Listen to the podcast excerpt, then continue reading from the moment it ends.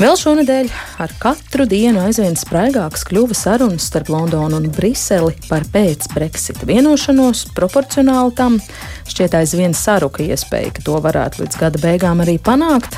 Kāda scenārija varētu īstenoties, ja vienošanās tiek vai netiek noslēgta? Par to programmā pēcpusdienā šobrīd izvaicāsim Latvijas ārpolitikas institūta direktoru vietnieku, Rīgas Stradiņu universitātes docentu Kārli Bukovsku. Viņš šobrīd pie mūsu tālruņa. Labdien! Labdien! Kārli, izstāstiet, cik svarīga Eiropai šobrīd ir šī vienošanās, vai var uz to arī tā kritiski palūkoties, nu, kurām tad Eiropas Savienības valstīm šī vienošanās ir visvairāk no svara un kurām varbūt netik ļoti?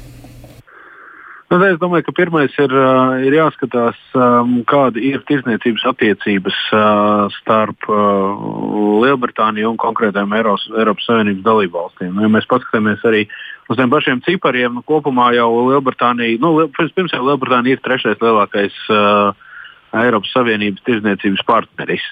Un uh, priekš Lielbritānijas Eiropas Savienība, protams, ir pats lielākais tirdzniecības partneris pagaidām. Uh, un aptuveni 47% no visas, nu, gandrīz puse no visas uh, apvienotās karalistes uh, eksporta un importa ir saistībā ar, ar, ar, ar uh, Eiropas Savienības valstīm.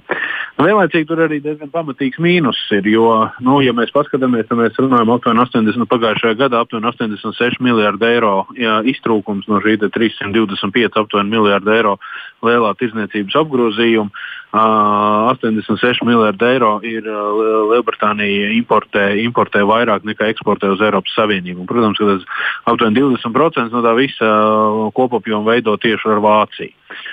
Tā, protams, ka Vācija šajā gadījumā ir ieinteresēta uh, tanī, lai šī tirzniecības vienošanās būtu panākta. Bet, te, protams, ir abas divas puses iestājušās nedaudz arī pozā, tikai tāpēc, ka nu, gan vieniem, gan otriem šajā stāstā ir uh, interese. Neviens uh, īsti līdz galam negrib tos tarifus uh, celt augšā, jo nu, tā faktiski būtu tarifu pacelšana, ja no, no 1. janvāra attiecības, tirdzniecības attiecības regulētu Pasaules tirdzniecības organizācijas uh, noteiktie, noteiktie standarti, kur abas puses ir dalība valsts. Um, bet tas nemaina lietas būtību, ka nu, šī politiskā spēle, pretim stāvēšana, tā saucamais chicken game, var būt tās, divas automašīnas brauc viena otrai pretī, un tad, nu, kura, kura tad būs tā pirmā, kura nogriezīs uh, nost, kurš tad nobīsies, uh, nu, tad tas nedaudz šobrīd tiek spēlēts. Nu, bet tad jājautā, ja tās mašīnas tomēr satrieksies, tad kura būs vairāk bojāta? Tas mūsu automobīlis vai tas, kurā brauc Briti? Es domāju, ka cietuši būs pasažieri. Tikai tāpēc, ka tie, tie pasažieri, kas atradīsies iekšā mašīnā, pasažieru sēdekļos, nevis tie, kas atradīsies pie stūres. Jo primāri, primāri jau ir jāņem vērā, ka tie cilvēki, kas strādā, ražo šīs preces un šīs tarifu, tirdzniecības tarifu klātbūtnes nēsamība, padara tos produktus konkurētspējīgus. Uh, un līdz tiklīdz būs uh, tiks, tiks produktiem piemēroti uh, tarifi, tā šie produkti kļūs dārgāki. Tas nozīmē, ka viņus vairs uh, cilvēki aizdomāsies, vai vispār pirkt vai nepirkt. Un, uh, rezultātā, ja cilvēki pateiks, ka nē, es tomēr labāk izvēlēšos uh, franču mašīnu, nevis britu mašīnu, uh, tikai tāpēc, ka britu mašīna vienkārši ir dārgāka, uh, pat ja tā nu, kvalitāte aptuveni būtu vienāda. Uh, nu, tad rezultātā ir jautājums, ka tie cilvēki, kas, eh, kas ražo šīs britu mašīnas, nu, viņiem vairs eh, nebūs iespēja atrasties eh, šajā situācijā, ka viņiem, ka viņiem pietiekami daudz tiek saražots un viņiem pietiekami daudz darba vietas ir nepieciešams, lai šo saražotu.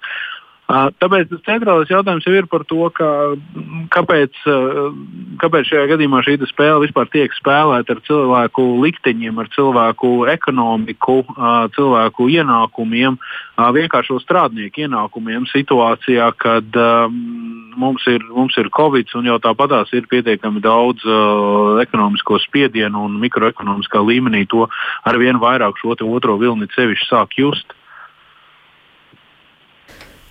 Uz ko jūs liktu likmes? Vai politiskās spēles vēl turpināsies, vai tas noliktais svētdienas, šīs svētdienas 13. decembra termiņš tiešām būs pēdējais?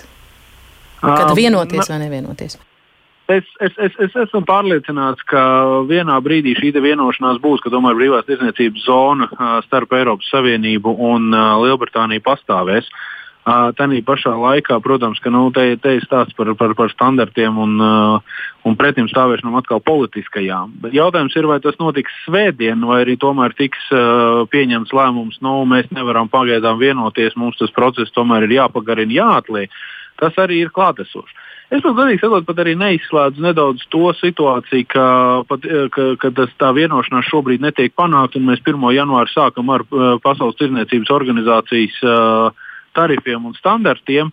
Uh, un uh, rezultātā nākamā gada ietvaros vienkārši tas līgums tiek, uh, tiek, tiek, tiek turpināts izstrādāt, un viņš beig, beigās tiek pieņemts uh, jau ar tādu starposmu, ka nebūs uh, tā beztarifu pārēja, kuru, kuru šobrīd mēģina nodrošināt. Ko tas nozīmēs reāli Latvijas um, ekonomikai, Latvijas eksportētājiem? Latvijas ekonomika, Latvijas eksportētājiem, tad mums ir jāskatās, kas ir, tie, kas ir tās eksporta preces, ko mēs uz Lielbritāniju starp citu esam starp tām dažām valstīm, ar kurām, dažām, bet diezgan daudzām Eiropas Savienības dalību valstīm, kurām ar Lielbritāniju ir tirzniecības pārpalikums. Nu, respektīvi, mēs eksportējam vairāk nekā importējam no Lielbritānijas. Un, protams, ka pamatā jau mums ir jāskatās uz tiem pašiem ļoti bieži jau Brexit kontekstā pēdējos 4-5 gadus uzrunātajiem.